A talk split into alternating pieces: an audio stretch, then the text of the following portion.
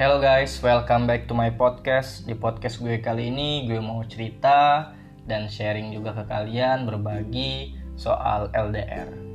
Uh, di sini gue nggak pakai skrip, gue nggak nulis konsep dulu, gue natural aja. Karena uh, ngalir aja gitu, gue pengen ngomong, gue pengen ngobrol juga, pengen nuangin apa yang ada di hati di pikiran gue di podcast gue. Yang kepo, yang mau dengerin cerita gue check this out guys.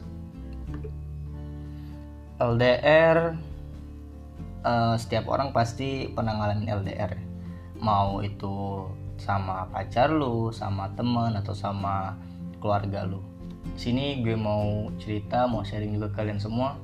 Gue uh, eh, LDR sama keluarga gue ini udah hampir mau 2 tahun guys gue ya gue dari Palembang gue ngerantau ke sini ke Tangerang ini buat cari kerja buat uh, ciptain masa depan gue. Dari sini gue kerja keras juga yang tentunya dari restu orang tua gue juga sih. Berat siapa sih yang nggak mau ketemu tiap hari sama keluarga kan? Ya, tapi mau nggak mau kalau kita nggak move kita nggak uh, berjuang sendiri kita nentuin pilihan kita sendiri mau jadi apa kita ya harus ya harus berusaha karena yang nentuin jalan hidupnya lu, lu sendiri sih. Dan alhamdulillah sampai sekarang sampai detik ini pun gue bisa survive gitu hidup sendiri jauh dari orang tua. Karena gue basicnya dari kecil sampai gue selesai kuliah pun gue tetap sama orang tua gue kan. Tapi gue mutusin kalau gue udah nih maksud gue cukup lah. Sekarang gantian biar gue yang bagian kedua orang tua gue gitu guys. Dan posisi saat ini uh, gimana ya? Agak lebay sih kalau bilang ini bakal jadi LDR ya karena tetap di Tangerang. Tangerang juga. Tapi uh, susah gitu ngelupain atau tidak membiasakan dengan kondisi yang seperti sekarang. Yayasan Ribon menurut gue rumah kedua setelah rumah gue yang di Palembang. Karena apa? Di sini gue ketemu orang-orang yang baik walaupun kita beda-beda ras suku karena benar persatuan Indonesia nggak ada beda-bedain kita mau dari Palembang mau dari Lampung mau dari Sunda mau dari Jawa mau everything ya kita tetap kalau udah di satu lingkungan kita berbaur kita bersosialisasi ya nggak ada lagi bahas lu orang mana orang mana gitu. Karena menurut gue asik aja di sini. Uh, apalagi gue dari orang Sumatera ya. Ya Sumatera identik keras orangnya. Paling nggak ada keras kerasnya juga sih. Tapi mereka tetap terima gue.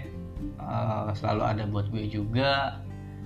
Uh, gue ngecopin terima kasih karena udah hampir dua tahun ini bareng-bareng terus uh, apa ya? Ya kalian bukan sekedar teman gue lagi lah. Kalian semua udah gue anggap sebagai keluarga sendiri. Abang gue adik gue ya teman rekan kerja lebih lah. Karena kalian juga gue tetap kuat di sini. Karena gue awal-awal ngerantau dulu paling sekitar dua bulan gue mau pulang. Karena gue nggak ada siapa-siapa kontrakan gue petak kecil satu doang yang kamar langsung ke kamar mandi gitu doang. Gak ada apa-apa gitu. Tapi udah berjalannya waktu ya sama teman-teman gue juga. Jadi nyaman aja gitu. Berasa tempat sendiri. Thank you buat uh, teman kosan gue Wowo uh, yang udah dari awal sih itu orang pertama yang kontrak bareng gue orang Rangkas Bitung asik sih orangnya padahal dia lebih tua dari gue ya. Tapi nggak apa-apa lah dia tetap seumuran dengan gue. Asik orangnya maksudnya uh, jarang kita selisih paham atau berantem. Ya mungkin karena cowok ya. Biasanya kan kalau udah beda kepala tinggal di satu rumah bukan keluarga juga pasti ada aja selisih kan. Tapi alhamdulillah uh, gue sama Wowo uh, is fine aja gitu. Dari awal sampai sekarang pun yang bentar lagi mau merit nih Congrats, semoga lancar sampai hari H. Gue doain.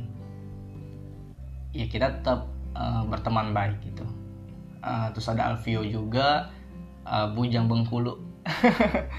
dia join juga gabung sama gue sama Wo juga ya sama kita semua anak perantauan perantauan semua rata-rata kan asik orangnya maksudnya uh, nyambung gitu tektokan kalau ngobrol bocahnya ngocol juga receh banget jadi gue uh, sebenarnya gue suka bercanda banget ya di tempat gue itu paling receh gue kali.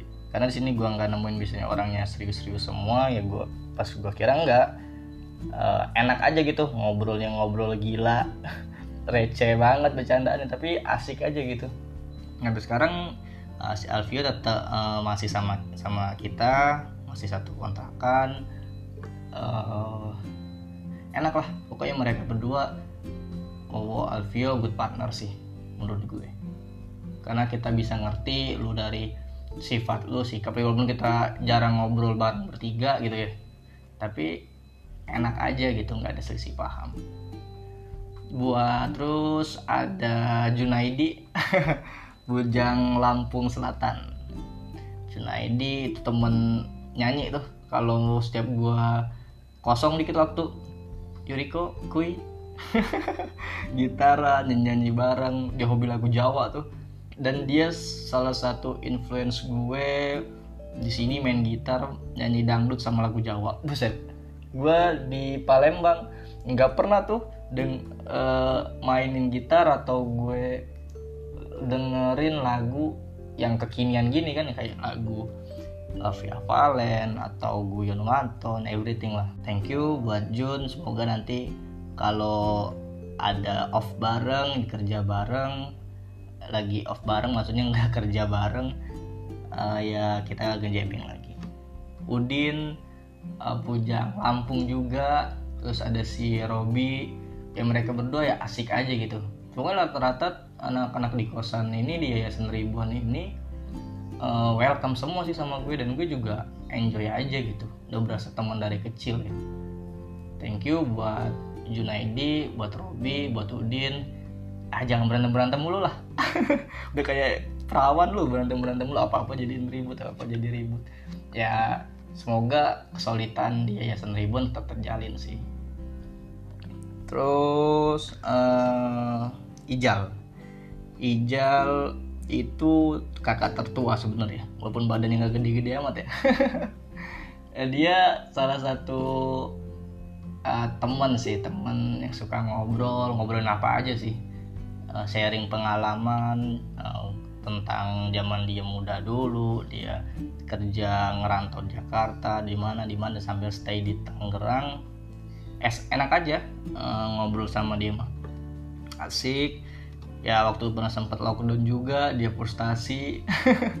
Ya karena orang sedikit sedikit tertutup sih gue kalau si Ijal tapi asik sih orangnya. Kalau lu udah kenal lu udah ngobrol duduk bareng ngopi bareng ngerokok bareng enak aja gitu. Thank you buat Ijal buat Dani juga yang satu kosan sama si Ijal.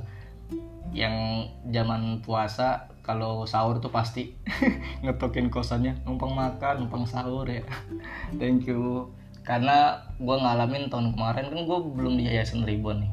Itu gue bener-bener sendiri maksudnya iya sahur lu beli di warteg buka ya lu langsung makan nasi nggak ada es cendol nggak ada gorengan nggak ada apa kan. Tapi kalau yayasan Ribon eh, alhamdulillah pada jurusan koki semua sih. Jadi rata-rata bisa masak semua kan.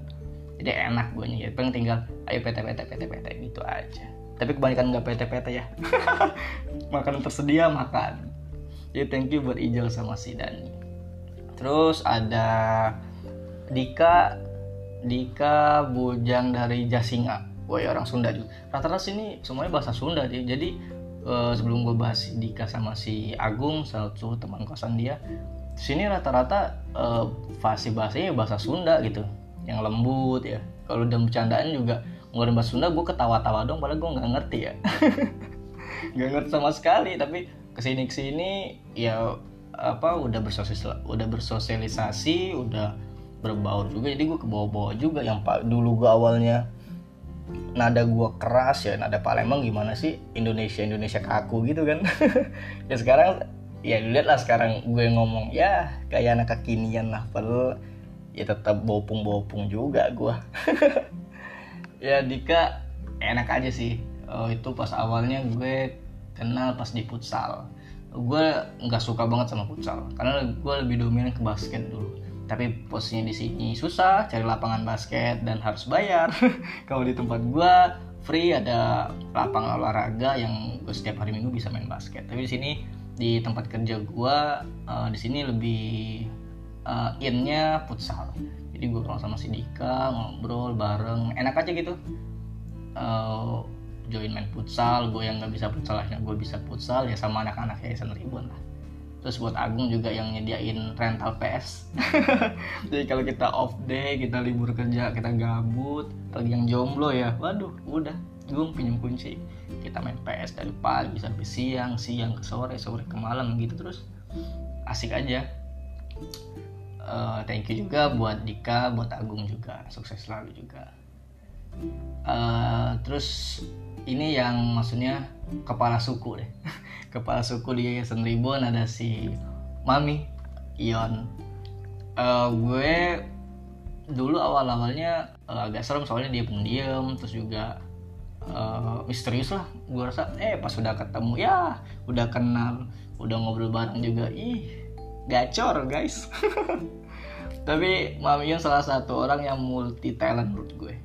Dia bisa masak bisa apalagi ngejahit bisa uh, potong rambut bisa. Uh, bikin aquarium scape bisa. Bersih bersih bisa. Renovasi genteng bocor bisa. Everything semuanya. Jadi gue salut banget sama mami Yun yang dipanggil mami karena ya kalau udah tanggal-tanggal segini nih sekitar tanggal 20 sampai sebelum mau pas mau gajian nih anak-anak kosan tau sendiri paling warteg kan. Tapi dia masak tuh dia masak sendiri. Dia paling nggak mau kalau dia masak jadi gangguin karena lambat guys. Jadi kalau dia masakannya udah jadi dia manggil semua tuh ayo kok gitu. Manggil gue kan teriak-teriak dari jujur sampai sampai pinggir jalan itu kedengeran dari suara dia buat manggil makan. Jadi uh, begitu perhatiannya sih dengan maksud gue uh, gue orang lain gitu. Tapi dia nggak beda-bedain lu anak baru anak lama di Yayasan Tribun nggak. Jadi semuanya berbaur dan dia juga salah satu uh, inspirasi juga sih. Maksudnya dia udah survive dari lama udah lama tinggal di sini. Dia punya usaha juga catering kan dia masak dia uh, berjuang sendiri juga buat hidup dia buat keluarga dia di kampung juga. So dia satu rasi uh, nyokap gue juga orang Jawa juga. Jadi thank you buat Mami Ion yang udah care udah kayak anak sendiri gue udah perhatian udah peduli juga sama anak yayasan eh, sama anak-anak yayasan juga. Ya semoga tetap seperti inilah. Karena kalian semua yayasan Ribon orang-orang yang di sini udah gue anggap sebagai keluarga gue sendiri. Sometimes gue nggak uh, ngontrak bareng ke sini lagi pun atau nanti lu semua udah pada berkeluarga juga ya tetap jaga silaturahmi sih menurut gue jadi uh, sekali lagi thank you yang kalau yang nggak dengerin podcast gue gue titip salam buat kalian semua. Uh, thank you udah selalu ada buat gue di sini. Kita tetap jalan silaturahmi dan walaupun nantinya kalau misalnya gue atau lulu pada pada punya kerjaan baru atau punya keluarga baru juga tetap jalan silaturahmi jalanin silaturahmi sih menurut gue. Ya mungkin uh, cerita singkat gue tentang anak-anak yayasan Reborn segitu aja kali ya. Tapi yang belum kenal atau cuman otak-otak namanya doang asik guys. Uh, kapan-kapan lu main ke sini ngejamming bareng ngopi bareng lu bakal tahu asiknya yayasan Reborn itu gimana sih. Karena baik lagi ke topik awal gue LDR kenapa gue bahas tentang yayasan Reborn? Ya karena uh, mereka salah ada satu tempat ada satu tempat ruang di hati gue yang gak bakal bisa gue lupain. Karena mereka juga gue bisa survive di sini sih. Thank you buat semuanya. Uh, gue ngomong apa lagi ya? Ya intinya gak ada yang mau uh, intinya siap ada pertemuan pasti ada perpisahan. Dan tapi uh, jangan sampai dengan perpisahan itu kita nggak bisa ketemu lagi. Gitu sih quotes dari gue. Oke okay, guys thank you yang udah dengerin uh, curhatan gue. Karena insya Allah kalau memang rezeki gue tetap di sini gue tetap stay di Tangerang. Kalau enggak gue uh, comeback ke Palembang. Jadi gue buat podcast ini biar teman-teman semua dengar uh, karena gue susah ya buat ngucapin terima kasih itu. Bukan maksudnya bukan gengsi. Ya gue ngalir aja gitu uh, tapi gue nggak bakal pernah lupa orang yang pernah baik sama gue orang yang selalu baik sama gue gue gak bakal pernah lupa. Sometimes kalau mereka ada apa-apa pun gue bakal maju duluan buat melindungi mereka. Oke okay guys thank you udah dengerin podcast gue hari ini. Enjoy your time. Uh, sayangin orang-orang yang lu sayangin jangan sia-siain waktu lu. Semoga bahagia selalu. Selamat beraktivitas see you on top and bye